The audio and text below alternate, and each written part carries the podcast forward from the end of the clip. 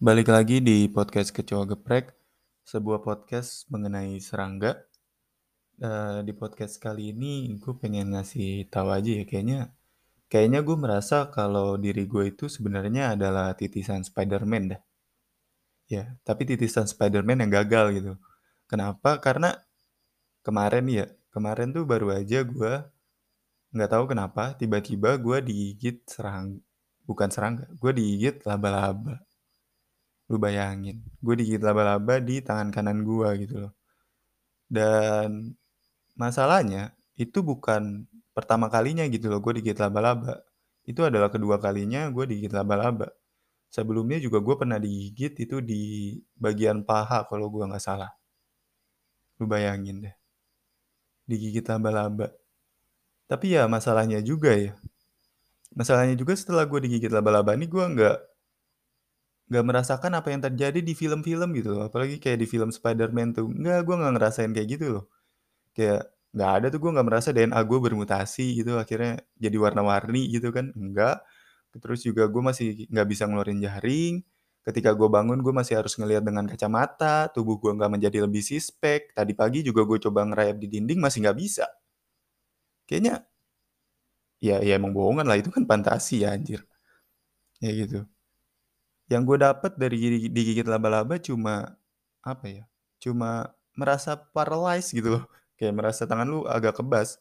Dan masalahnya gue juga nggak tahu itu emang beneran gara-gara gue digigit serangga atau itu cuma sugesti aja gitu. Soalnya kan kayak yang kita tahu ya kayak laba-laba itu di alat mulutnya tuh ada sepasang taring gitu.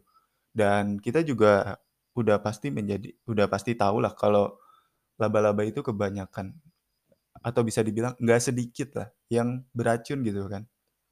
Nah, gara-gara kedua hal itulah gue jadi kayak berpikir, apakah jangan-jangan gue keracunan ya? Jangan-jangan gue keracunan serangga ya? Eh, keracunan laba-laba ini.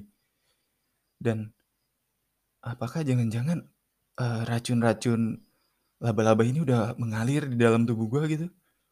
Dan apakah itu akan membuat diri gue menjadi lebih kebal terhadap racun laba-laba? Ya gue nggak tahu kayak gitu ya.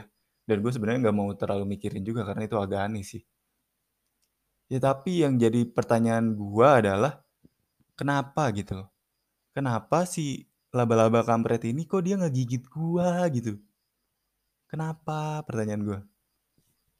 Ya, ya gimana ya?